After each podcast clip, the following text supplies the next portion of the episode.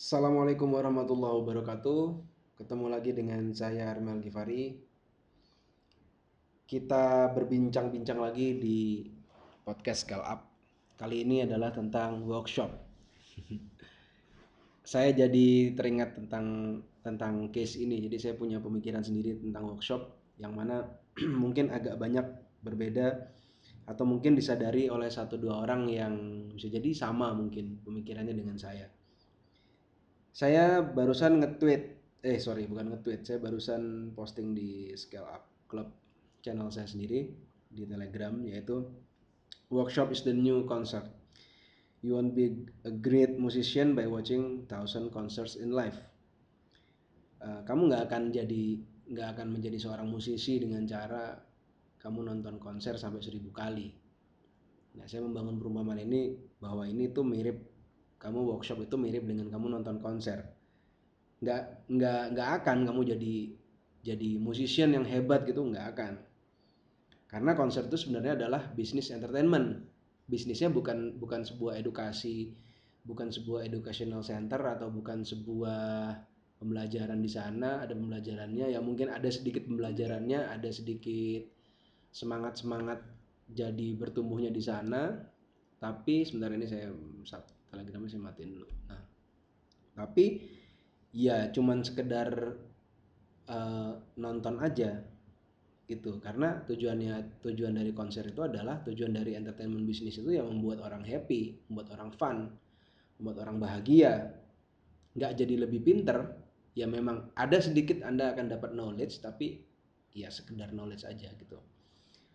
Jadi untuk anda tapi bukan artinya Anda nggak boleh nonton konser. Nonton konser tuh oke, okay, nggak ada masalah sama kayak dengerin musik, sama kayak dengerin dengerin uh, apa nonton video, nonton YouTube mungkin sejenis itulah. Mungkin konser mungkin yang lebih live-nya ya datang kayak nonton bola gitu.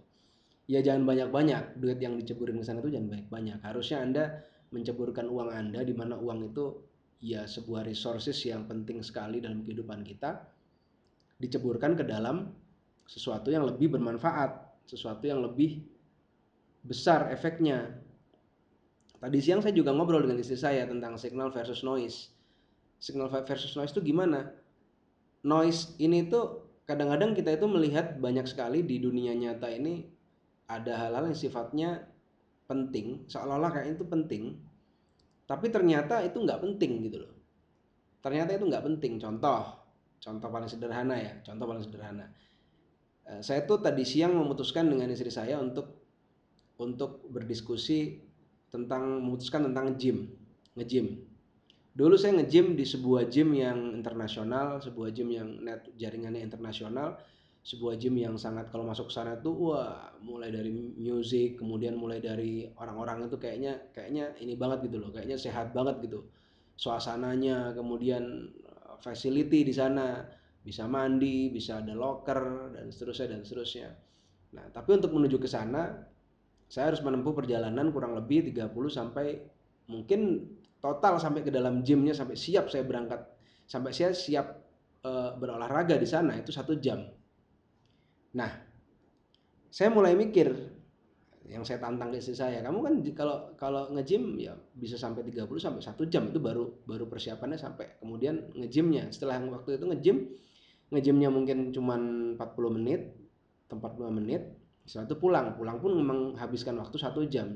Sementara pulang di tengah jalan ketemu macam-macam ada yang namanya toko roti ada yang namanya toko segala rupa yang akhirnya malah jadi makan jajan di sana belanja di sana yang akhirnya keluar uang lagi akhirnya keluar tenaga sudah keluar uang keluar tenaga.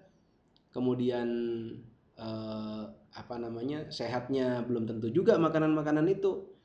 Padahal ngejim nyarinya sehat. Jadi di titik tertentu kamu sebenarnya ini sedang ngejim sedang ngejim ngejim tuh apa sih sebenarnya? Sinyal paling utama yang harus kita tangkap tuh apa sebenarnya dari ketika kita memilih itu? Nah akhirnya milih-milih mikir-mikir mikir-mikir ya juga ya. Kenapa nggak kita memang kalau memang yang dicari adalah ingin meningkatkan masa otot oke okay, kita ngejim itu pilihan yang paling tepat karena kalau seandainya kita beli home gym, ya modalnya berapa, kemudian e, latihannya juga nggak sesering itu, nggak yang jadi setiap hari latihan karena memang nggak boleh. jadi uh, makainya jarang-jarang ya mendingan ikut klub. Ikut klub kan yang yang make berame-rame kemudian bayarnya ya jauh lebih murah. Akhirnya diskusi itu berakhir pada bener juga. Jadi kita memang memilih, memilih gym akhirnya yang paling dekat paling dekat tuh di mana? Paling dekat itu di dekat rumah yang jalannya cuman kalau menurut Waze itu cuma 6 menit. 6 menit atau 10 menit. Itu udah nyampe. Dan ketika nyampe karena gymnya nggak terlalu luas langsung masuk ke ruang ganti langsung ganti baju nggak nyampe 5 menit udah nge-gym. Langsung. Memang secara fasilitas nggak sehebat gym yang terkenal itu. Ini gymnya gym deket rumah. Bayarnya pun hampir hampir kita eh, uh, 75% lebih murah kalau dengan PT ya ya sama masih sama tetap 75% lebih murah di gym yang itu PT-nya wah jutaan ya kalau yang di kalau yang di dekat rumah ya PT-nya murah Nah, tapi apakah artinya kualitasnya berkurang? Enggak. Saya tetap tidak terlalu mengandalkan PT. Nah, saya mengandalkan pengetahuan yang saya bangun sendiri. Jadi yang benar tuh gimana sih sebenarnya? Baca risetnya, ada penelitiannya. Oh begini, begini, begini. Ketika kita datang ke gymnya, akhirnya kita ngomong sama PT-nya, e, Kang, uh, apa namanya latihannya tambahin dong bebannya, misalkan gitu. Saya pengen saya pengen naik terus nih bebannya sampai di point of failure misalkan. Terus misalkan pemanasan ya pemanasan pemanasan dulu. Kalau menurut kita nggak penting pemanasan ya pemanasannya dikit-dikit aja tipis-tipis. At least bisa menyesuaikan dengan pengetahuan yang ada akhirnya dapat signal yang sebenarnya ya. Signal yang sebenarnya itu adalah yang penting bisa nge-gym kemudian alatnya bener nggak harus yang luar negeri punya dalam negeri oke okay, tapi bisa membantu kita untuk menaikkan uh, bentuk tubuh kita artinya menaikkan masa otot kita yang artinya ya fokus kepada tujuan utamanya. Nah itu semangat itu yang pengen saya pengen saya tularkan juga di di podcast kali ini tentang workshop versus um, eh workshop yang disetarakan dengan konser. Kalau anda konser yang dicari, anda nonton konser yang dicari itu funnya. Jadi anda harus fun, anda harus fun, anda harus happy, anda harus di sana anda harus ya menikmati. Ya anda nggak belajar jadi nggak belajar main gitar karena belajar itu karakteristiknya belajar itu adalah letih. Letih lelah capek mengeluarkan energi itu belajar. Namanya deliberate practice. Judulnya practice. Ketika kita latihan latihan beban juga itu sebenarnya practice gitu. Training Nge, me, membawa tubuh kita menuju ke satu titik tertentu yang itu berat gitu loh nah kalau anda nonton konser nggak itu yang dibawa nonton konser itu harus fun karena rilis, mencari kesenangan, mencari kebahagiaan, mencari fun. Tapi kalau Anda ingin pinter, Anda nggak datang ke so-called workshop itu. Saya bilang so-called ya, karena sebenarnya workshop itu dulunya workshop itu uh, nggak seperti itu, nggak seperti sekarang ini kita lihat workshop kayak sehari dua hari, kemudian workshop yang belum belum sudah coffee break, belum belum sudah sudah apa lagi ya, ya macam-macam lah. Akhirnya ujung-ujungnya nonton dua jam, kalau dua hari Anda hitung aja nonton orang orang ngomong dua jam uh, sesi pertama coffee break sesi kedua itu dua jam dua jam. Sesi ketiga sesi keempat. Ada empat sesi itu dalam satu hari. Berarti nonton satu hari itu nonton dua jam kali empat. Delapan jam anda nonton orang ngomong. Syukur-syukur ada gamenya. Mungkin game sedikit ini tapi kalau mengasah tiap orang di workshop itu enggak. Menurut saya enggak banget. Nah, hari kedua 8 jam lagi jadi 16 jam anda nonton orang. Yang mungkin ada nyoret-nyoret mungkin ada scratching di situ uh, apa namanya nulis-nulis materi tertentu ya oke okay lah ada sesuatu pengetahuan yang dibawa tuh ada. Tapi itu nggak membuat anda jadi better. Itu hanya membuat anda feels better. Nah jadi feels aja nih judulnya apalagi kalau sudah nggak relate. Misalkan anda bisnis anda toko online karyawan CS baru satu. Kemudian dari karyawan CS satu itu anda ikut sebuah workshop yang belajarnya adalah sekelas level menteri misalnya atau uh, harapan anda nih harapan anda ketika anda ikut workshop wah ketemu nih diajarin oleh orang dengan pengetahuan internasional bisnis internasional. Itu sudah nggak relate dengan anda. Anda nggak tahu apa yang harus anda ambil key takeaways-nya itu apa di di situ? Paling ujung-ujungnya kalau ditanya workshop gimana bro? Oh bagus bagus. Gue dapat ini nih dapat informasi atau dapat pengetahuan bahwa ternyata bisnis itu ya harus bayar pajak loh. Iya itu mah lu nggak usah nyari sampai ke workshop yang harganya belasan juta kalau kayak begituan. Itu googling apa yang diperlukan untuk sebuah perusahaan bisa mencapai omset satu miliar atau kewajiban apa yang muncul ketika bisnis anda satu miliar udah dapat tuh ilmu pajak. Nah sama kayak ekspor impor dulu. Ini ini saya agak sekalian curhat juga ya ekspor impor. Dulu uh, apa namanya? Uh, ekspor impor itu ya kalau anda datang beneran pengen belajar ekspor impor anda nggak lagi pengen nonton konser orang yang memamerkan keahliannya ekspor impor. Kalau anda ini konser nih anda nonton konser ya itu terserah anda tapi kalau anda niatnya adalah belajar sesuatu di tentang ekspor impor itu pemerintah ada. Namanya PPEI itu bayarnya cuma 4 juta atau 5 juta gitu. Itu beneran workshop kalau saya bilang. Kenapa? Karena satu minggu kemudian setiap hari itu beneran setiap topiknya dan anda terakhir itu berlatih beneran gimana mengisi dokumen satu-satu sampai akhirnya anda anda uh, apa namanya berlatih seolah-olah anda yang ekspor seolah-olah teman anda yang impor. Jadi seolah-olah kayak uh, kita bikin bikin letter di situ. Letter apa sih? Saya lupa udah tiga empat tahun yang lalu letter-letter itu kemudian dokumen apa yang harus disiapkan kepada siapa anda harus menuju bagaimana anda mendapatkan market di situ anda tahu membuka satu web-web tertentu di sana. Anda berlatih ekspor impor di situ. Kalau pengen dibimbing lagi sampai detail lagi ada lagi itu pemerintah punya. Nah, itu workshop menurut saya karena workshop itu ada satu skill yang akhirnya masuk bukan sekedar uh, bukan sekedar Anda kayak sekedar apa ya, fun aja atau happy aja, tapi ada satu skill yang kemudian Anda terima masuk dan kemudian meresap gitu. Dan akhirnya Anda bisa bisa menggunakan itu dan Anda bisa praktek.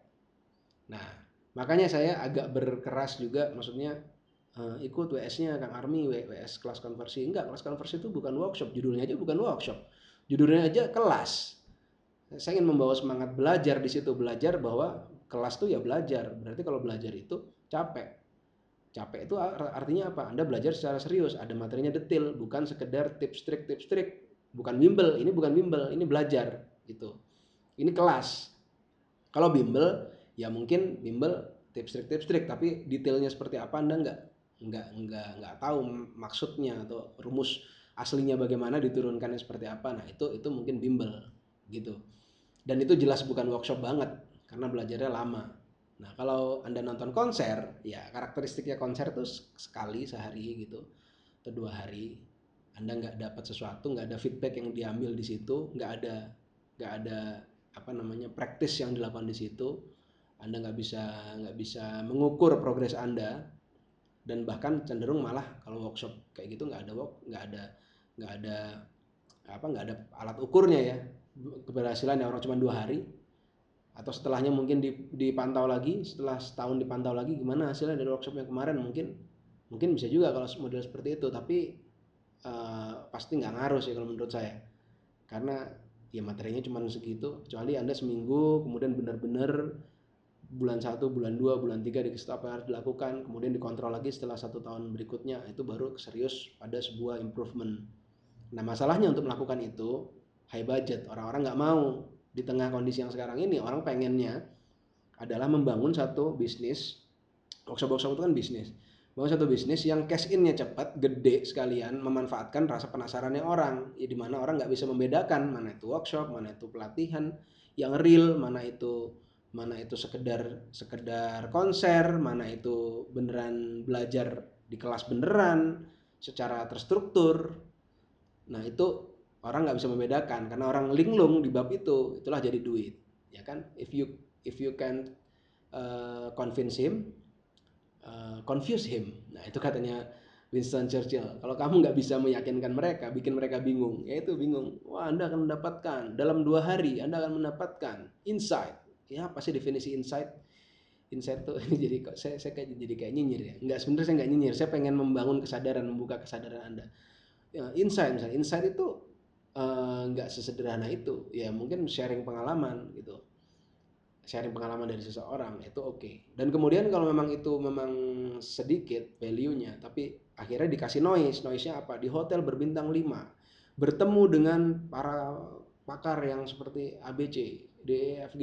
Kemudian di situ di dalamnya lagi uh, diberikan kesempatan untuk uh, makan malam bersama. Saya pernah sih ikut yang begituan. Bahkan saya ikut tuh sampai ke Amerika loh. Saya ikut tuh sampai ke Amerika. Workshop yang harganya puluhan juta tuh sampai saya berangkat ke Amerika. Saya pengen tahu workshop workshop yang rasa puluhan juta tuh rasanya gimana sih ya ujung-ujungnya konser gitu ujungnya nonton konser makan siang nah, makan pagi bersama makan siang bersama makan malam bersama anda bisa bertanya-tanya ya kalau anda makan kan anda makan nanyanya kapan nanyanya ya berapa menit aja di situ nanya-nanya sekedarnya nanya gitu aja kan. Nggak yang jadi anda tahu rahasia detailnya di balik itu semua. Nggak nggak jadi nggak nggak dapat clue detailnya malah kalau menurut saya lebih powerful anda ikut kopdar. Kopdar kopdar internet marketer apa gitu. Misalkan kopdar apa yang yang sifatnya sifatnya bentuknya kopdar yang sedikit orang. Terus kalau kopdar itu biasanya sih sampai nginep ya. Biasanya. Atau kalau nggak bener deep banget tuh dari pagi sampai malam tuh topiknya spesifik kemudian pembahasannya juga nggak banyak noise nggak banyak noise itu maksudnya nggak banyak gimmick-gimmick yang sifatnya uh, break makan siang bersama ini makan siang dengan menu ABC enggak langsung ke kontennya kontennya apa? Kontennya ini kontennya itu dibedah terus di, di, deep bahkan ada pakarnya yang nge-breakdown juga di situ sebuah pengetahuan yang masuk. Misalkan cara membu, mem, membangun mem, membuat harga. Cara membuat harga produk di toko online. Itu kan ada sesuatu tuh. Itu sinyal. Menurut saya sinyal. Oh ini bener nih signal. Bukan noise. Kalau noise itu adalah anda akan belajar insight pengalaman dari seorang miliarder uh, yang mencapai apa namanya satu miliar pertamanya sebelum umur 30 tahun. Tapi pas dilihat sesinya cuman 30 menit ngomong. Ya ya apa ya paling anda cari aja di buku-buku itu banyak tuh kayak begituan. Malah saya menganjurkan anda lebih deep lagi. Anda itu baca buku karena orang yang malas baca buku malas nih baca buku nih akhirnya anda harus bayar workshop. Itu menurut saya kayak idiot baca buku. Ya baca buku kan gampang anda tinggal beli buku harganya 14 dolar di Amazon Ali Kindle ada bahkan yang bahasa Indonesia mungkin banyak di banyak di Gramedia atau di mana yang sudah translate itu banyak sekali yang harganya cuma 300 ribu atau 250 ribu. Itu lebih dalam materinya dibandingkan Anda ikut workshop yang tadi dengerin orang ngomong yang belum tentu konsentrasi Anda itu 100% nyampe semua. Bahkan anggaplah konsentrasi Anda masuk dengerin orang ngomong tuh cuma 30% berarti dari 16 jam itu anda cuma masuk ke dalam otak Anda itu cuma 4 jam. Itu pun 30% belum tentu semuanya keserap. Itu. Nah, kalau Anda baca buku, Anda bisa ulangin. Ulangin, dicoret, di highlight. Saya punya Kindle di iPad tuh saya beli buku banyak banget beli buku. Saya tertarik konten ini baca baca baca. Saya lihat oh, ini ada ada buku nih, judulnya positioning, buku tua. Ini contoh kasus ya. Saya lihat workshop yang sifatnya kayak model-model begini itu workshopnya aja bisa sampai 4 juta 5 juta. Lah kenapa?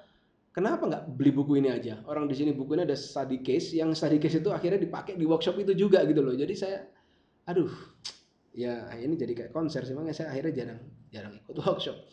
Agak jarang jadi mengurangi workshop yang saya ikut itu yang agak aneh-aneh. Workshop yang beneran workshop. Kalau saya lihat ini oh ini saya lagi nonton pengen nonton konser nih. Ya saya mindset dari awal nonton konser. Budget saya nonton konser berapa sih? Ya ini. Daripada saya nonton konser yang sekedar saya fun ya mungkin saya nonton konser yang sedikit ada ilmunya di sana. Bahkan uh, mungkin berharap ada sesekali dapat teman baru. Tapi yang nggak sering yang begitu. Konser saya yang saya ikutin ya bukan konser ya. Ini ada workshop yang saya ikutin yang lagi mau saya ikutin. Workshop yang sifatnya karena saya karena saya ya, apa namanya gaya hidup gaya hidup saya sekarang low carbs low carbs high fat alias keto. Ada workshop workshop yang pengen saya ikutin tuh nanti workshop uh, bagaimana membangun apa istilahnya seputar keto lah gitulah pokoknya. Nah itu ah ikut. Berapa workshopnya masuk akal harganya. Paling cuma 400 ribu gitu. Nah, itu pun pagi sampai malam. Hotelnya ya nggak usah yang aneh-aneh. Pokoknya ada tempat duduk. Bisa duduk nggak nggak sampai panas banget. Nah itu saya dapat. Saya lebih seneng ya kayak begitu. Kemudian dapat sesuatu di sana itu itu belum belum over value gitu loh. Belum belum belum jadi hype banget sehingga orang tuh harus ngecas untuk workshop dengan harga yang sangat mahal. Itu saya enggak saya apa namanya agak-agak kasihan gitu sebenarnya. Saya pernah bikin workshop seputar Amazon tapi itu memang menurut saya bukan workshopnya yang paling penting tapi alur dan kemudian akses dan kemudian Uh, karena bukan sekedar workshop yang datang, tapi masih berhubungan dengan dengan pembicara. Karena saya dimintain tolong nih judulnya.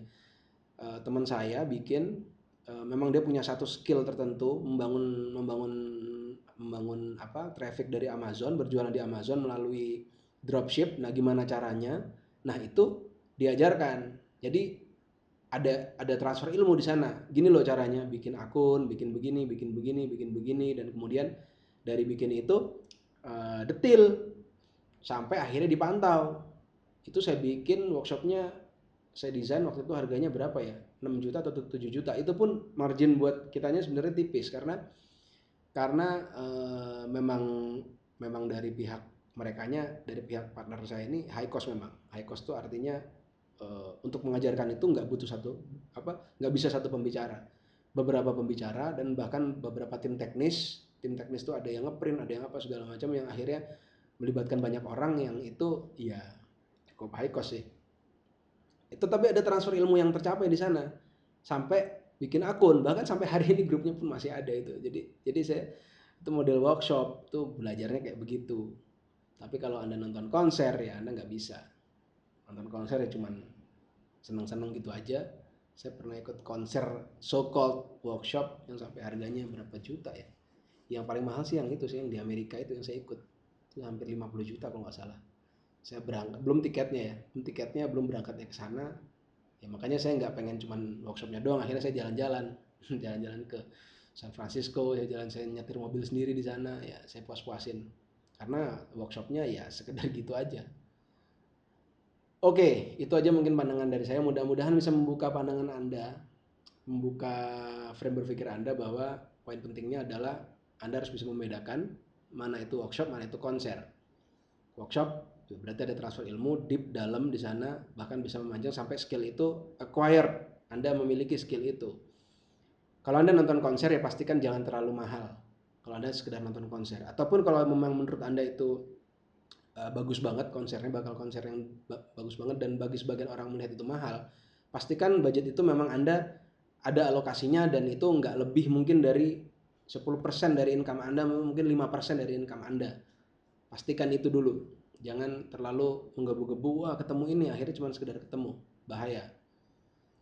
Uh, yang kedua adalah signal versus noise. Jadi anda harus bisa membedakan mana sinyal mana noise. Nah, yang ketiga apa tadi ya? Yang ketiga Eh, kalau memang anda nggak ada budget yang sangat besar untuk nonton konser, di mana itu saya nggak sangat menyarankan terlalu sering nonton konser, ya anda baca buku itu nomor tiga. Baca buku tuh jauh jauh jauh lebih sangat sangat powerful. Bahkan saya ada satu workshop saya ikutin harganya 7 juta 8 juta di Indonesia. Jauh lebih powerful saya beli buku, saya baca buku itu waktu saya perjalanan dari Indonesia ke Amerika tahun 2017 2018 itu buku sampai saya bikin sampai saya tamatin sekali berangkat pulang tuh saya tamatin bahkan muter dua kali bukunya saya garis-garisin lagi saya saya highlight saya kutip saya screen capture saya masukin ke ini saya sendiri untuk saya lihat lagi saya baca ulang. Itu jauh-jauh lebih powerful insight konten di dalamnya itu dibandingkan saya ikut workshop yang harganya 7 juta waktu itu yang dua hari. Yang bagi saya waktu ikut workshop itu itu udah bagus ya bagus nih workshopnya. Konsernya bagus sorry bukan workshopnya. Konsernya bagus nih dua hari. Nah, dua hari uh, bisa saya ada bab-bab yang saya ambil di situ rekrut karyawan dan seterusnya kemudian apa cara bersikap sebagai seorang CEO dan lain-lain. Nah tapi buku itu yang harganya 14 dolar itu jauh lebih banyak lagi yang saya bisa saya praktekkan dalam bisnis saya. Itu ya buku. Jadi poin ketiganya adalah buku. Anda baca buku anda akan jadi pinter. Tapi jangan sampai Eh, nggak uh, dipraktekin. Jadi yang keempat ya anda harus praktekin. Mau anda nonton mau anda ikut workshop mau anda nonton konser mau anda baca buku mau anda dengerin apa uh, dengerin audiobook misalkan anda nggak bisa baca ya tetap anda harus praktekin dan praktekinnya sebisa mungkin segera setelah anda mengikuti itu semua.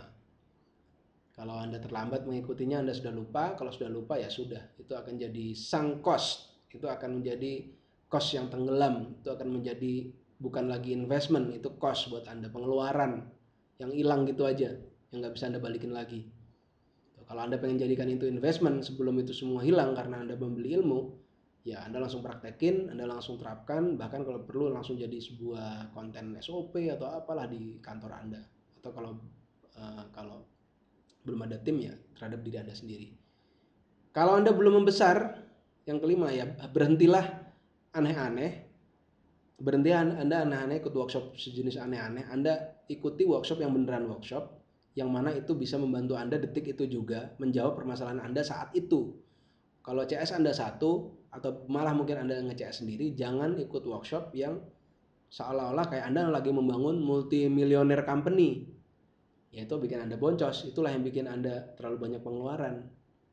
Itu. Itu aja mungkin dari saya. Mudah-mudahan bisa membantu Anda bertumbuh uh, bersama-sama. Assalamualaikum warahmatullahi wabarakatuh.